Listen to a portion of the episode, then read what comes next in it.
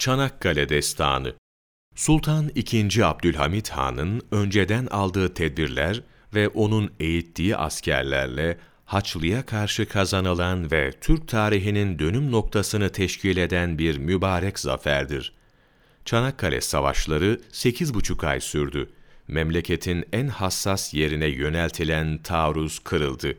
Çanakkale Muharebeleri, Osmanlı Devleti'nin 4 sene harbe dayanmasına, bu yüzden Çarlık Rusyası'nın yıkılmasına sebep oldu. Bu başarı yalnız Osmanlı kuvvetlerinindir.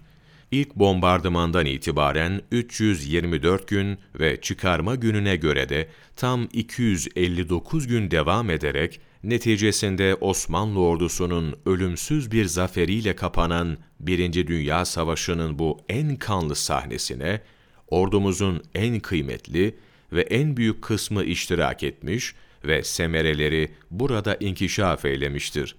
Türklerin resmi kayıtlarına göre kayıp miktarı 251 bin, müttefiklerin ise 252 bindi.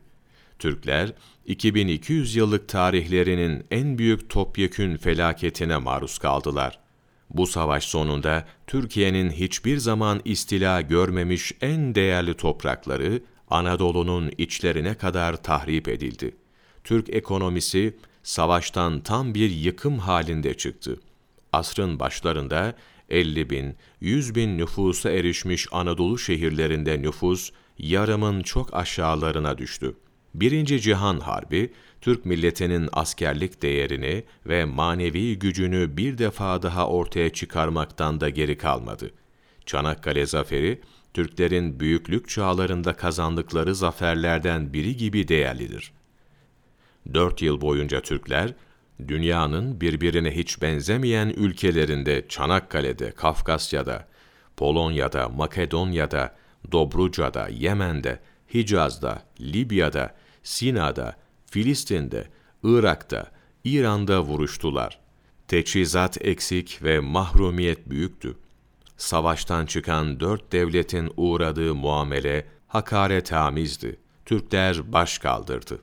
Almanlar, Avusturya, Macaristan ve Bulgaristan baş.